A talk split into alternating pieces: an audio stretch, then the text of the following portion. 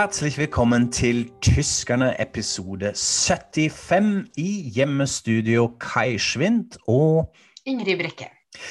I dag prøver vi å svare på et kjempeinteressant lyttespørsmål som vi fikk angående tyske dialekter. Og det blir dialektrelaterte ord i ordspalten. Det gleder vi oss til. Men først tenkte vi å se nærmere på et parti som vi ikke har snakket om på en stund, nemlig Alternativet for Deutschland, AFD. Da skjer det nemlig en del ganske dramatiske ting, kan man vel si? Eller hva skjer med AFD for tiden, Ingrid? Jo, nei, Det skjer fryktelig spennende ting, syns jeg. Og da vi, kan vi jo begynne med å si at AFD det er jo dette ytre høyre-partiet eh, som kom inn i parlamentet eh, med 12,6% i forrige valg, og som har prega tysk debatt mye. Det som skjer nå, det er at eh, masse tyske medier skrev plutselig og meldte plutselig at oi, nå blir eh, hele AFD klassifisert som mistenkt for høyreekstremisme av Verfassungsschutz. Og Verfassungsschutz det er da tyske sikkerhetsmyndigheter. Ordet betyr at de skal forsvare eh, Grunnloven. Eh, og de, skal da forsvare demokratiet mot eh, trusler. Og det er de som eh, f.eks. overvåker eh, ja, høyreekstreme grupper, eh, ser på terrortrussel, islamister, alt det der. Nå sier de altså at eh, kanskje, eller ifølge media, da, så, så, har de kanskje bestemt seg for at hele dette største opposisjonspartiet i parlamentet nå skal bli satt under um, uh, overvåking. For det er det det betyr hvis, blir, eh, hvis man klassifiseres som en mulig høyreekstrem bevegelse, så, så, kan man overvåke, avlytte medlemmene, og man kan infiltrere ved hjelp av informanter og agenter. Uh, så det er jo veldig stort grep å ta eh, mot et eh, stort parti. Eh, så kom spekulasjonene, og så Det som skjedde da, var at eh, Alternativ for Tyskland de ønsker jo selvfølgelig ikke dette. De opplever jo det som veldig skadelig for dem politisk. Så de gikk til retten. Eh, la inn flere saker eh, hvor alle har til felles at de ønsker å hindre at Verfassungsschutz skal komme med denne erklæringa. Eh, og der står saken nå, og der kommer den antagelig til å stå veldig lenge. Fordi eh, sånn som jeg har forstått det, så må retten da lese altså Forfassungsskjorts har lagd et 1000 siders dokument som begrunner hvorfor AFD nå har blitt så ekstremt at de anses som en fare. Og da må retten på en måte gjennomgå hele det, dette dokumentet og finne ut om det er riktig eller ikke, allerede før Verfassungsschutz skal si noe. da. Mm. Så der står saken. Dette kan ta lang tid. Og det vet vi nå ikke offisielt. Eller det er ikke hva, hva, de begrunner dette på. altså hva når det er detaljert de er ute etter, det, det, vet vi ikke. Det står i dokumentene, men vi får ikke vite det. Er det sant? Nei. Ja, det er sånn det er. Altså, vi vet at det er 1000 siders dokument, for det har media skrevet. og eh, vi vet også at Innenriksdepartementet også holder på med sin egen gjennomgang av dette dokumentet. Og her er det en masse begrunnelser da, for hvorfor de mener det er riktig å gå til et så uh, drastisk skritt. Så Vi vet ikke hva som står der, men vi kan jo tenke oss til en hel masse ting. fordi det, dette er jo ikke noe nytt. altså det er jo Allerede for to år siden så sa jo Verfassungsschutz at de kom til å se nærmere på AFD. Og Det de gjorde da, det var at de erklærte denne eh, mest ytterliggående fløyen, som blir kalt for det flygel eller fløyen eller vingen, eh, for å være nettopp mistenkt for høyreekstremisme. Også Junge Alternativet, altså ungdomspartiet, ble klassifisert sånn. Og så skulle de da vurdere resten av partiet. Så har de da gjort den vurderinga og antagelig da kommet fram til at ja, det gjelder nå hele eh, partiet. Eh, og det det handler om, for å være litt mer konkret, det er jo da at eh, folk i AFD har for sterke forbindelser til mer farlige, eh, kanskje med høyreekstremister som til og med kan være voldelige og, og sånn sett en slags terrortrussel. Og så handler det om at de relativerer tysk um, historie. Altså at de, de, sier sånn som uh, daværende partileder sa, ikke sant, at nazitida er bare en fugledritt i tysk historie og, og sånne ting. Uh, og så uh, handler det også om at de oppleves som en en fiende av det demokratiske systemet. Og Et eksempel på det var jo i høst når vi så at AFD-folkevalgte eh, i parlamentet slapp inn sånne anti-koronatiltak-demonstranter i forbundsdagen. Eh, og disse demonstrantene plaga jo da politikere fra andre partier der, og filma dem og, og, og, sånne ting. Så det er mange sånne ting som hele tida skaper nye diskusjoner rundt um, AFD, og som ganske sikkert ligger da i denne begrunnelsen. Mm. Så var det jo også en, en lignende uh, debatt uh, i Turingen. Det er jo litt uh, interessant i forskjellen på ulike delstatsnivåer. da, Hvor altså Bjørn Høkke, en sånn veldig fargerik, ganske høyreekstrem person innenfor AFD, som da også fikk den, denne vurderingen at eh, man altså kan kalle han for fascist, eh, etter han egentlig prøvde å gå imot dette, at en person hadde omtalt som det, hvor denne, denne delstatsdomstolen da fastslo ok, jo, dette er fascistisk retorikk her, så man kan lovlig sett kalle han for um, fascist. Uh, og man har begynt med denne overvåkningen uh, i, i, Turingen, hvis jeg forsto det riktig. ikke sant?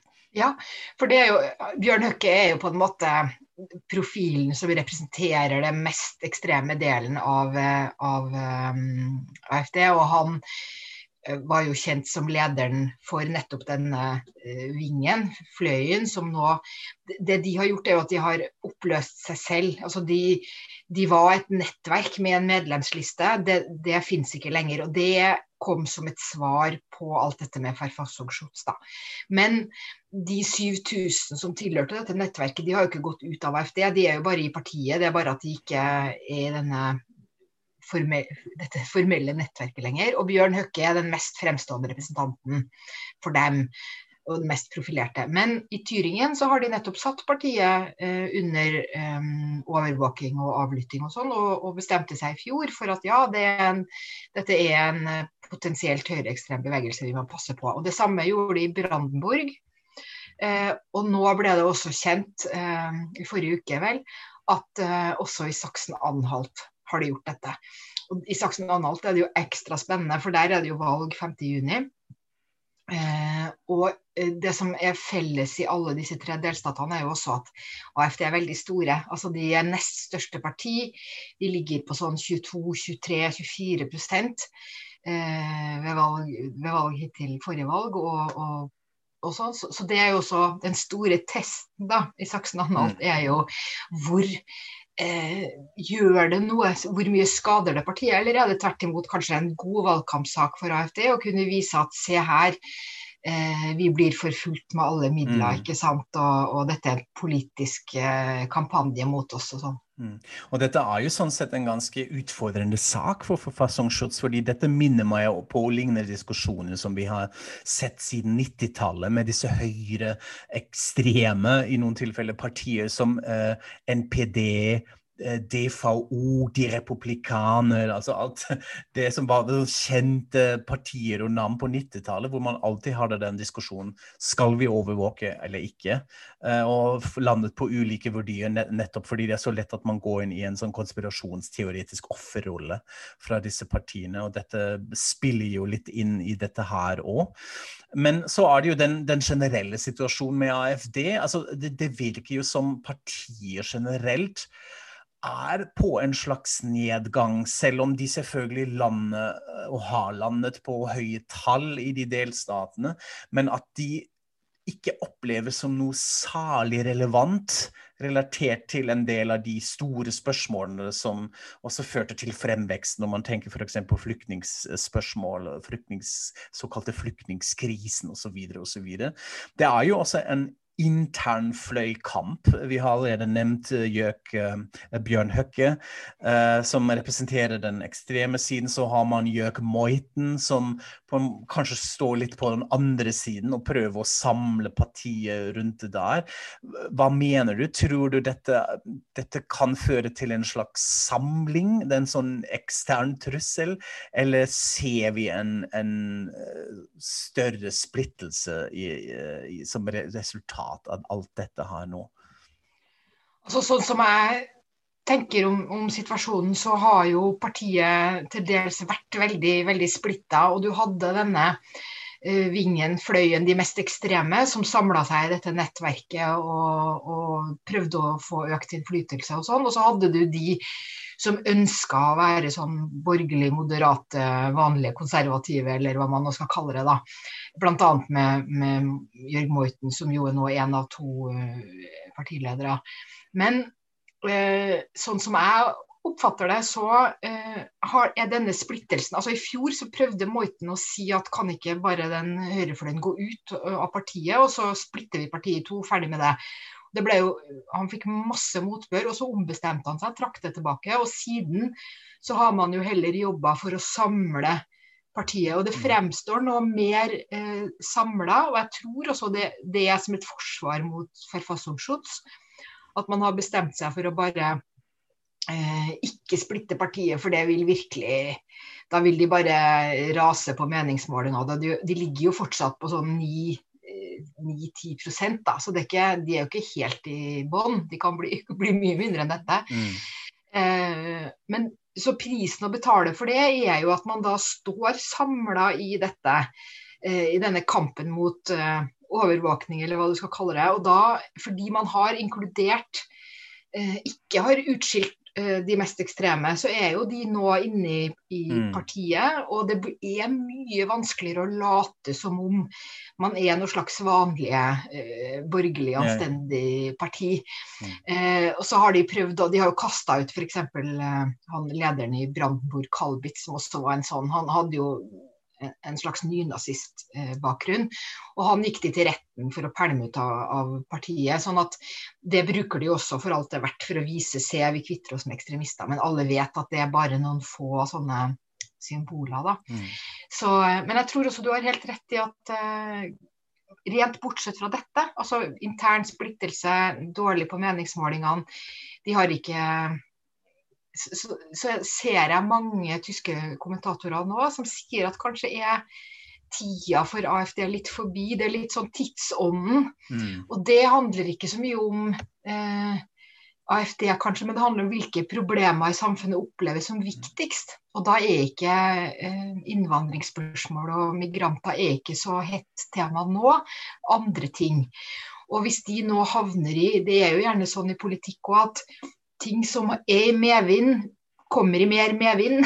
Mm. og motsatt også. Hvis du først begynner å rase, så begynner du å rase. Så fortsetter mm. du bare.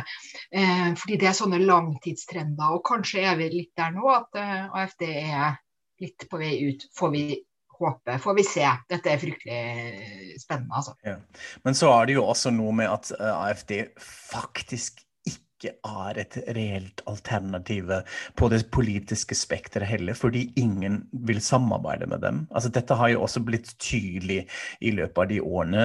Um, kanskje i begynnelsen var det en del sånne planspile i den retning, men nå er det jo virkelig ingen som, som jobber med dem.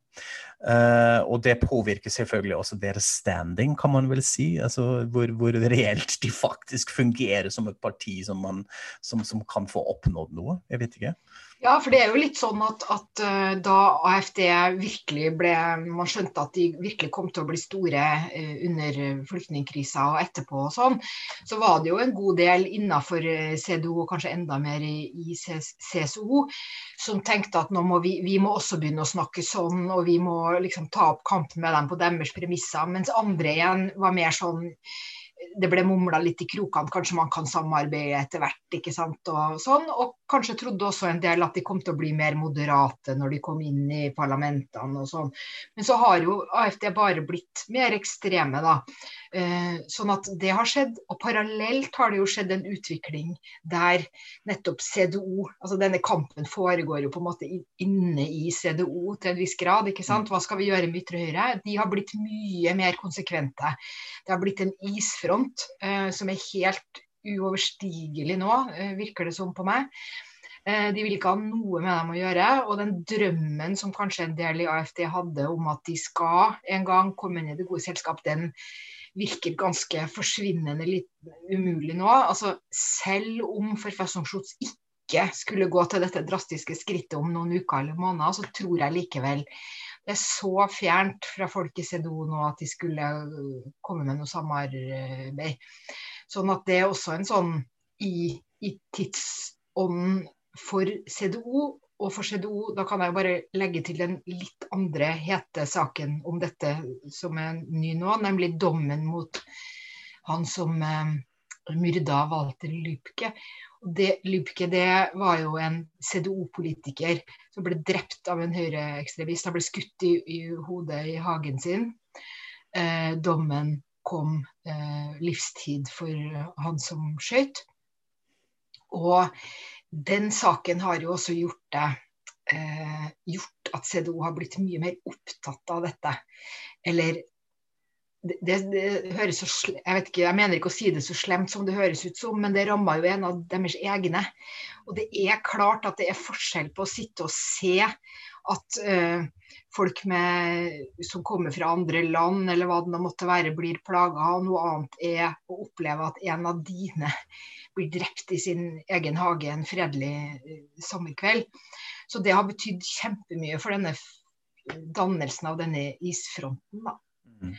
Så er det noe med retorikken også, eh, som f.eks. en eh, person inn, som innenriksminister Horst Seehofer har vist i det siste, at det ser i hvert fall ut som det er en større bevissthet på at det fins høyreekstreme nettverk i Tyskland.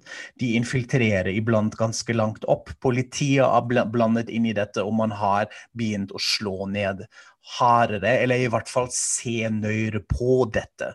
Dette var jo også et kjennetegn for sånn klassisk konservativ politikk, at man hadde det sånn ensomme ulvteorier osv. osv. Man tenker på NSU og sånne ting. Så det er jo en annen bevissthet rundt dette som gjør det enda vanskeligere at, um, at det kan føre til et slags samarbeid. Ja. Ja, og så er det jo også noe med eh, når du sier sånn retorikk, ikke sant, at før, så det er ikke lenge siden, så pleide alltid CDU å si jo jo, men vi må også se på venstreekstremisme. Venstre, ja. ja, ja. Og det har de slutta med. De, sier, mm -hmm. de, snakker ikke sånn lenger, ikke sant. Det er noe med at alle, de aller fleste er nå enige om at problemet i Tyskland det kommer fra ytre høyre mm. på forskjellige steder. Og så hører de også med, når man skal si noe om denne dommen etter Lübke, at eh, den det mangler veldig mange svar. Og det, En ting er man fordømt han som faktisk drepte en mann, men eh, han ble jo frikjent for anklagen om å ha knivstukket en irakisk flyktning. Mm -hmm. og, han, og mannen som antagelig hjalp han under drapet, eller ble, ble anklaga for det, han ble også frikjent. Eh, for det. Han ble dømt for våpenbesittelse, mm. men det er jo mye mindre alvorlig. Eh, sånn at de svarene Nei, altså det mange lurer på, eh, det er jo nettopp dette med hvor omfattende er disse nettverkene, hvor langt inn dagliglivet eh, strekker det seg. Og nettopp i hesten og dette strøket her, så er det jo man har alle disse politisakene og alt dette. Og, og disse spørsmålene er jo, henger jo hele tida i lufta, da. Men hva, hva, man får bare tenke at eh, at uh, med politisk vilje da, så kan det skje ting fremover nå som ikke kunne eh, skje før. Mm. Ja. Eh, jeg vet jo at du ikke liker det når jeg tvinger deg å gi prognoser, men jeg skal prøve meg likevel. Hva tror du for Fassungsschutz? Altså, ble det, begynner de å overvåke av AFD som bondesparti, eller hva tror du beslutningen blir? Jeg, jeg vet ikke. Altså, dette er jo så hvis, hvis det går sånn at eh, retten ikke oppdager noen grunn til, å, til, at de ikke skal gjøre det, da, og Innenriksdepartementet også får granska alle disse tusen sidene, og, og, de mener at det kommer til å holde vann For det de er redde for, er jo selvfølgelig at de, går, de gjør det. De sier nå setter vi hele AFD under overvåkning. Så går AFD til retten, og så taper Feifasoksjots. Det ville være en et enormt nederlag. Og det ville, gi, det ville, også kanskje være farlig, for det ville gi AFD så mye vann på mølla. ikke sant? Ja. Eh, så jeg tenker at nå venter de bare på disse juridiske eh, vurderingene. Mm -hmm. og, og, det er helt umulig å spå, spå, for det handler bare om det. Men det man kanskje kan se, det er jo at flere og flere delstater kommer til å gjøre det. Mm, Ikke sant? At, at det blir ikke sånn bondes eh, Mm. avgjørelse på hele Men at nå er det allerede tre delstater som gjør det, kanskje kommer flere til å gjøre det. Og så Mm. blir det noen delstater hvor det ikke skjer. Mhm. Men da er jo på en måte eh. Så det kan jeg jo spå, da. Noen Mm. flere delstater, det kan jeg spå. Det, det er veldig fint, og da er det kanskje en av de fordelene av det føderale systemet iblant òg, at man kan også løse sånt på denne måten, eh, uten å si noe mer. Nå føler jeg vi har snakket nok om høyreekstremister og høyrepartier. Eh, nå orker jeg ikke lenger. Vi går videre. eh, og snakke om noe litt mer hyggelig. Og det er jo litt spennende her, fordi vi fikk nemlig et veldig interessant lytterspørsmål. Eh, dere sender jo inn eh, iblant temaer som dere har lyst til at vi skal snakke om, eller som dere foreslår, rett og slett. Og vi registrerer dette. Iblant matcher det også med det vi har, litt som på våre Post-its her.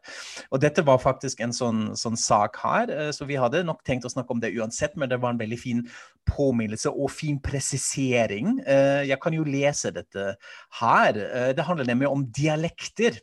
Og spørsmålet er hvorfor er det så stor forskjell på hvordan man ser på dialekter i Norge og Tyskland? Jeg syns, sier Lutheren, det er skrekkelig trist at man nesten ikke hører en eneste dialekt i Tyskland, og at det ofte blir oppfattet som provinsielt og utdannet. Utdannet. Alle- Utdannet, ja. Utdannet, herregud. Eh, alle, spesielt hvis man har høyere utdanning, snakker selvfølgelig høytysk. Eh, Jeg syns også tyskerne overdriver litt når de sier de ikke forstår tyske dialekter. Så vanskelig er det da ikke. Um, så dette er jo virkelig veldig veldig eh, spennende, og det, det er mye her eh, hvor jeg kjenner meg igjen, litt sånn på godt og vondt. Men kanskje litt sånn spørsmål over til deg, eh, Ingrid. Første gang du kom til Tyskland, hva slags inntrykk hadde du da av tyske dialekter? og eh, hvordan opplevde du de? Har du, har du kanskje en favoritt nå, etter alle de årene når du har, du har snakket tysk selv? Så først må jeg bare innrømme at som utlending så vil man jo ikke at folk skal drive med dialekter. Det er jo bare en Mm. pest og en plage. Sånn at eh, eh, jeg har jo vært veldig glad for at de driver at høytysk er liksom standardspråket, og at det er det man eh, møter. Og at hvis man møter dialekt, så er det i hvert fall veldig lett for folk å switche om. Men det er klart, etter hvert eh, tida går og man hører mer og mer, og det blir lettere og lettere. Og, og nå Jeg skjønner jo godt eh, når folk som er fra Bayern snakker, selv om jeg ikke alltid helt vet hvor mye de modererer seg. Altså jeg vet jo ikke alltid, Det er ikke så lett å skjønne hvor genuin og, og bred dialekt de nå egentlig snakker, da. Eh, og når jeg blir spurt om favoritt, så føler jeg meg jo litt for programforplikta til å si berlinerisch, fordi det er jo det jeg har hørt mest. Mhm. Eh, men det er også en dialekt jeg må innrømme at jeg ofte syns er litt sånn vanskelig. Jeg blir, det er kanskje fordi at jeg har møtt den mye på sånn dagligspråksnivå, og det er jo for noen som kommer inn og kan eh, nyhetsspråk og litt sånn formelt tysk, og sånn, så er det jo vanskeligste er jo det der når en eller annen nabo bare kommer og sier noe, og du vet ikke hva det er, og det er noe med søpla eller klesvask eller Ja. som, som de ikke snakker om i, i nyhetene på Mm. Deutschlandfunk. så, eh, men den, den, er jo, den skjønner jeg jo ganske godt nå, og, og Mm. har jo sin eh, har sin sjarm, kan man kanskje si, da. Mm. Nei, altså Jeg syns det er et utrolig spennende spørsmål også fordi det antyder jo også litt hva, hva kanskje litt sånn symbolske eller kulturell verdi til dialekter i, i landene våre her. Og jeg har jo hatt, som du var litt inne på, motsatt eh, opplevelse når jeg kom hit, og tenkte litt sånn herregud. Hvorfor snakker ingen høynorsk her? Altså, det er jo supervanskelig, og til og med på TV-er, og så er ting tekstet på nynorsk, og hva er dette for noe her? Så man blir jo, jeg skjønte selv hvor snobbete jeg var, og litt sånn sur, nettopp fordi, som du sa, det er vanskelig for innvandrere å, å forholde seg til et sånn stort spekter av, av dialekter. Så dette er interessant, men så er det jo også det med disse ja, det sånn ulike sosiale stigma som man kanskje, og fordommene som man har mot ulike dialekter, som, som jeg syns eh, vi burde utforske litt. Men eh, kanskje som en sånn eh, litt mer vitenskapelig vei inn. Nå kan jeg ikke helt ta av meg forskerhatten her. Jeg har fordypet meg litt i sånn tysk dialektforskning. Det er jo Ah, bra. fryktelig spennende å, å lese om, og også høre eksempler osv. Altså, de fleste av lytterne våre vet selvfølgelig at eh, i Tyskland har vi altså høytysk som er såkalt uh, standardsprache, standardspråk, og så finnes det ulike variasjoner. Ulike, Men Betyr det at, du, at man også snakker høytysk på skolen? Altså at man må snakke høytysk på skolen? Ja, det er det som er veldig interessant, og som kanskje også er en forskjell. Det er, nå, nå, vet jeg ikke hvorvidt dette er på en måte altså lovpålagt, men det er altså det som skjer. og Jeg husker det fra min egen barndom i, uh, i barneskole, at det blir gjort et nummer ut av det. At læreren fortalte, påpekte det iblant. Uh, her gjelder det å snakke høytysk, og, og vi var jo flere sånn hessische barn i klassen. Ikke at, man, at vi snakker stor dialekt, men uh, at, at, det blir påpekt og retta opp i. Ja. Og du må passe litt på dine sj-lydene osv. Så, videre, og så, videre. så det, det, er en del mm. en bevissthet rundt dette. nå vet jeg ikke akkurat hvordan det er i dag, men det må det lyttere igjen gjerne komme på banen og fortelle oss om. Men det er absolutt Eh, et formål av undervisning at man skal lære seg ordentlig tysk. Ordentlig høytysk. Eh, og eh, ja, så det, det, viser jo litt hvordan det er. Så er det det jeg skulle si, at man um, ha altså da disse ulike målform, uh, under, variantene av det høytysk, som også altså dialekt regnes som. Og det er jo faktisk nynorsk òg. Det måtte jeg lære meg også. Dette er en målform, det er ikke et eget språk, som jeg har hørt folk påstå, men at det er en variant av dette uh, relatert til det. Og så er det selvfølgelig disse dialektene som blir snakket i ulike regioner, de er veldig avhengig uh, av det. Men så er det litt spennende å se på hvor hvordan de ble til i Tyskland. Og da er man veldig påvirket av det man kaller for den såkalte zweite Lautverschiebung. Altså en forskyvning av lyder, hovedsakelig konsonanter, som har påvirket det tyske språket mellom år 600 og 800. Da er det satt, man satt i gang med dette. Eh, det vil si at eh, man, hvordan man uttalte ulike ord, begynte å forandre seg. Eh, og det skjedde da hovedsakelig i de sentrale og sørlige regionene av hva vi i dag kaller Tyskland, eh, hvor det var større forandring og større påvirkning fra, fra andre eh, deler rundt. og så fikk man det man kaller for dialektgrenser, og da spesielt den ene som heter Benrata linje. den separerer det man kaller for høytysk i nord fra de såkalte mitteldeutsche Eh, og niderdeutsche målformene. Og så finnes det mange forskjellige dialektgrenser, eh, og man kan rett og slett tegne et sånn dialektkort. Kart, mener jeg, ikke kort. Kart. ja. Men er det da, eh, når du sier det med at man snakker høytysk i nord, er det et sted i Tyskland i dag man kan si at der snakker de faktisk ren høytysk, eller er det alle må tilpasse seg litt fra, fra sine ulike dialekter? Nei, Det er et veldig, veldig, godt spørsmål. fordi det vi kaller for høytysk, er faktisk de dialektene rundt regionen, sånn cirka Hannover, Göttingen, eh, altså i Niedersachsen, som, da, som er relatert til disse lydforskyvningene, eh, ikke har forandret seg etter hvert, eller som man har da pekt ut som høytysk. Dette skjer jo mye senere, og det skal vi ikke gå inn på. Det har noe å gjøre med nå at man har altså prøvd å samle tysk som språk for å, for å, kunne danne et tydelig skriftspråk. Da er vi nå langt uh, mye lenger ned i 16-, og 17- og 1800-tallet og sånn. Men det er derfor man har valgt altså, høytysk dialekt, de, de, dialektene, og har kalt det for høytysk uh, etter hvert. Så det mm. fins, det sier man, hvis du vil høre liksom det reneste, peneste tysk, så må du dra til Göttingen eller Hannover, uh, og da får du får du det.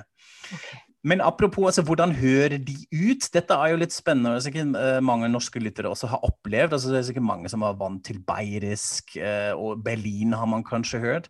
Men vi tenkte vi kan jo nå høre på ulike dialekter, og fant et ganske morsomt eh, klipp av en skuespiller, Michael Betz, som leser en avisartikkel uh, og klare å switche mellom forskjellige dialekter mens han leser i ett. Så vi hører litt på det klippet her, og det dere kommer til å høre altså i, i det riktige rekkefølge, er Norddeutsch, nordtysk eh, dialekt, så sächsisch, schwäbisch, bayerisch, Kölsch.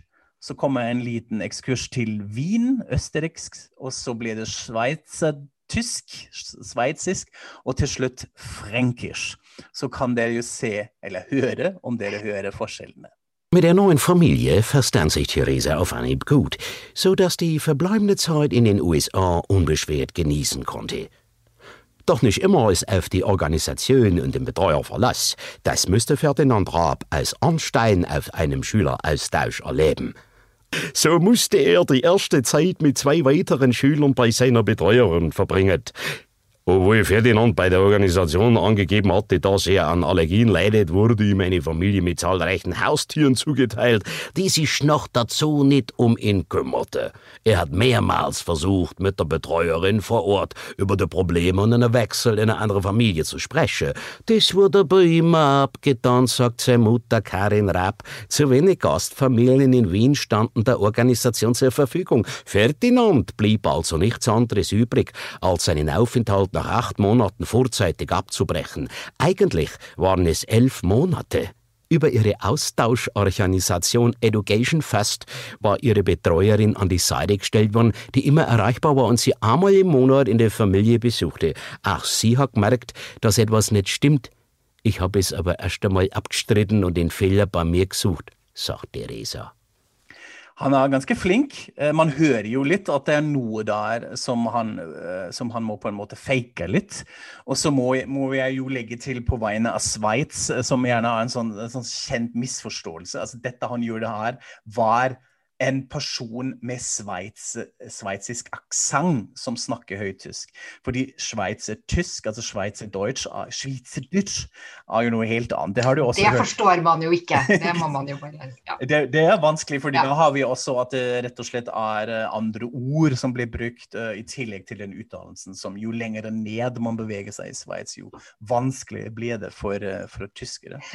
Men ellers er Jan ganske interessant sånn uh, blikk på det. Så, så, er det jo dette Nå kan vi jo bevege oss litt Prøve å lande på et slags svar på det veldig kule lyttespørsmålet her. Hva er forskjellene? Hvordan er det?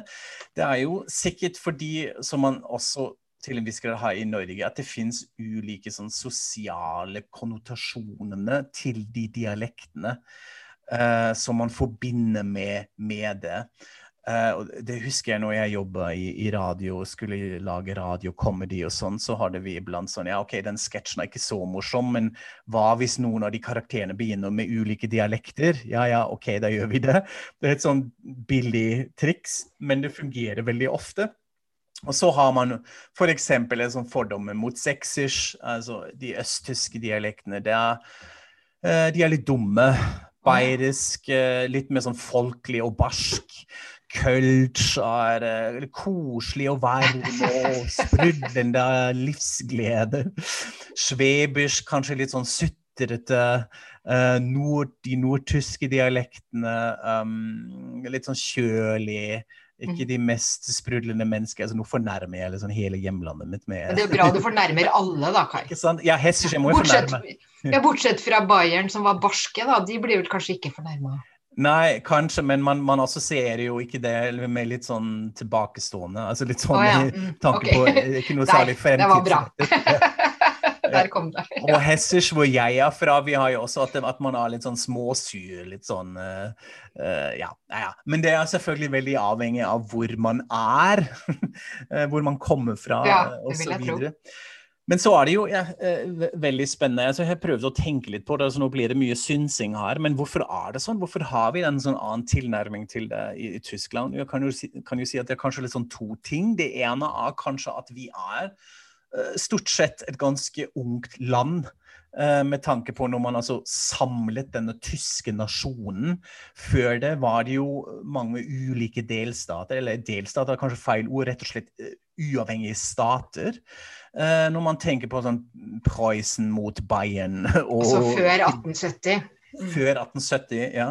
Eh, som da kanskje har eh, hatt en slags påvirkning også, at man rett og slett ikke skulle fokusere så mye på de dialektene i de forsøkene å samle hele nasjonen og samle et land. At man da blir fort enige om det man da kalte for høytysk eh, etter hvert. Men nå kan man jo også si jo, dette jo, gjelder jo Norge òg, egentlig, på en måte. Eh, ungt land og sånn påvirket av dansk og svensk og alt det. At man, hvorfor har man ikke gjort det samme? Ja. Ja, nei, jeg tenker at, at, Norge egentlig er i litt motsatt situasjon, da, fordi vi var underlagt uh, Danmark. ikke sant? Og bokmålet eh, som var, og som man kan kalle i hvert fall før, kanskje enda, er et slags standardspråk. Det er knytta til dansk, så det er knytta til overmakten. Mens ja. nynorsk ble jo lagd som et slags uh, vårt eget språk. Og, og, jeg tenker også at den der dialektbevegelsen som har jo vært det er jo ikke mer enn 30-40 år siden hvor det var veldig tabu også i Norge å snakke nordlending i Oslo, eller at du fikk mm. trøbbel og, og, sånn. Og jeg kommer jo selv fra, en, fra Trondheim, og treige trøndere er jo noe vi vet alt om, ikke sant. Sånn at eh, det er jo også litt nytt hos oss, dette. Men at, at det handler om en slags sånn eh, for å bruke veldig stort ord, da, men frigjøringsbevegelse, individualisme, at man skal være bra nok som man er, alt dette.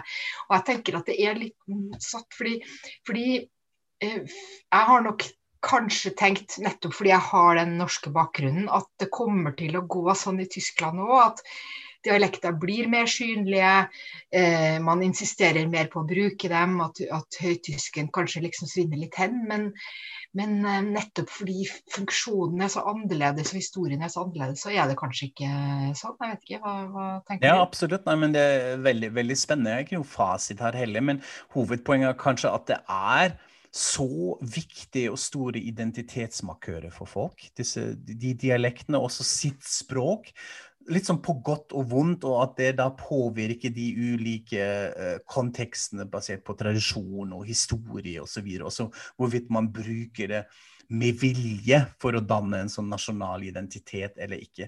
Jeg tror den andre biten som, som jeg kom på, nemlig, og da har vi en forskjell også mellom Norge og Tyskland, en, rett og slett en sånn elitisme og snobisme rundt hvordan språket skulle bli brukt, og hva språk skal brukes til.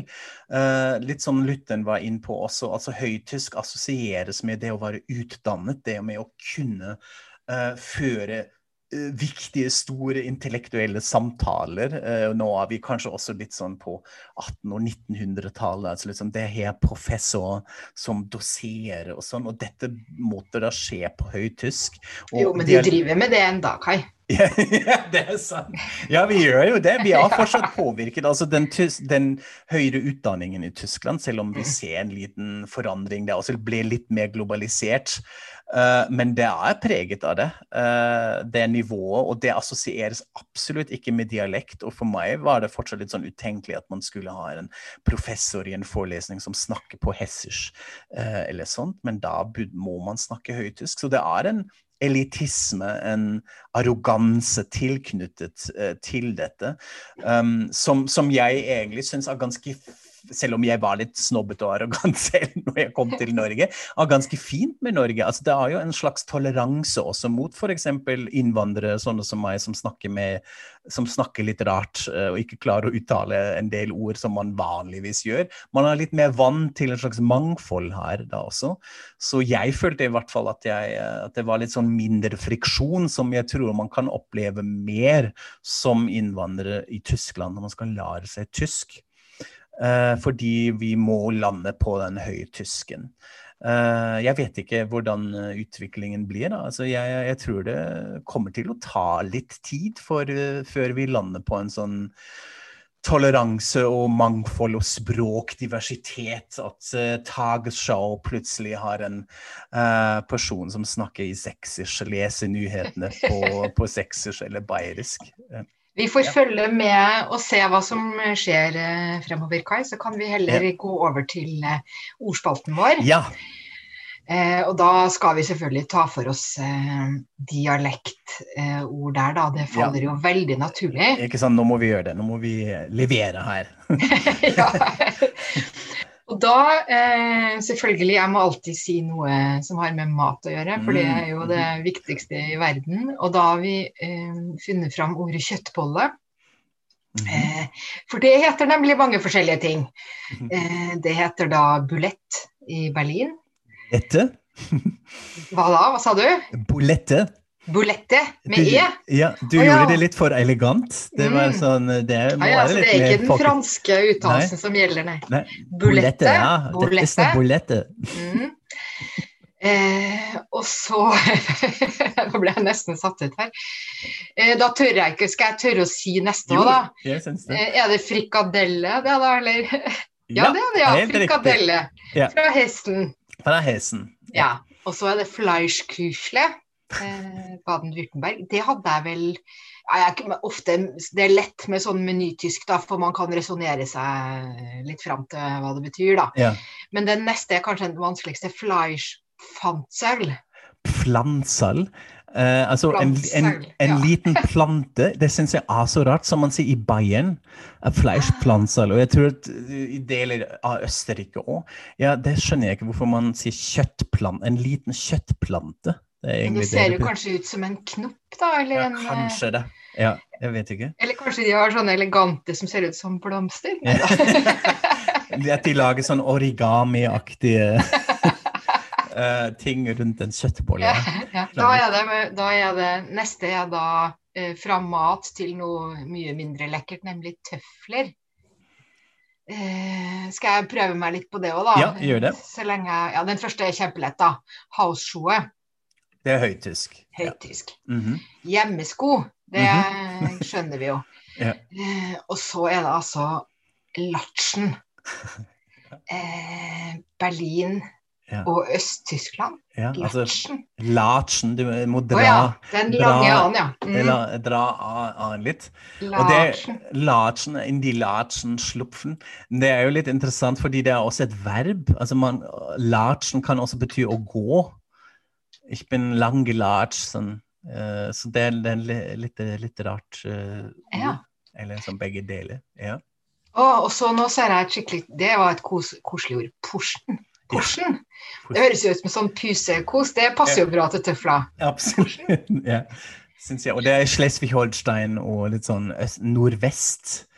Eh, jeg vet ikke helt hvor grensene går, de er jo litt flytende også. Men når man skal finne sånne hovedretninger. Porschen, søtt. Ja. Ja. Og enda er det to igjen. Det er da pantoffelen Mm -hmm. fra Nordrhein-Westfalen. Mhm. Pantoffelen. Ja. Og så var det et veldig bra fra ditt sted, da. Slappen. ja. Det hører, men betyr ikke det å slå? Eh, nei, Det egentlig kan ikke. ikke bety at man er for, Jeg så for meg nå at det betyr at du liksom kan klappe til noen med tøffel. Ja, men nei. men, det er jo altså, et litt sånn onomapoetisk, en sånn lydmalerisk ord, slapp, slappen, så jeg syns det vi kanskje burde på begynne å bruke det. engelsk. To slap to someone. slap. Ja, mm, det var det jeg tenkte. Ja. To slap someone with the slappen. Ja. Ja. Slapp, my, my slabbe, sier vi i Frankfurt. Det fins også um, ordet slappe kikke. Som, eh, som er relatert til fotballen. Altså folk som kanskje ikke er så flinke til å spille fotball. Hvis jeg tolker det riktig nå, er jeg litt usikker faktisk på hva man kaller en slappekikke for. Men Eh, det høres ut som slapp. Altså ja, ikke sant? Ja, det, det er det, og jeg tror det, det tenderer heller i den retning at uh, også slappen handler om å liksom slappe av, Ja, relaxe. Sånn, Ja, det var lurt. litt litt slapp i sine Ja. mens Ja. man latcher. Ja. Ja, stakkars innvandrere som må forholde seg til alt det. Kanskje det er ikke så dumt med høytysk. Mm, nei. Vi, vi, vi aksepterer selvfølgelig alt. Og da runder vi av, kanskje. Eh, send gjerne inn eh, alt dere tenker rundt dialektspørsmålet. Dette er jo et sånn evig tema som alltid er veldig gøy å prate om. og Vi kommer sikkert til å gjøre det litt mer i fremtiden. Men neste gang snakker vi helt sikkert om noe annet. Vi er straks tilbake. Følg oss på Facebook og på Instagram. eh, Og så snakkes vi og sier auf Wiederhøen. Auf Wiederhören.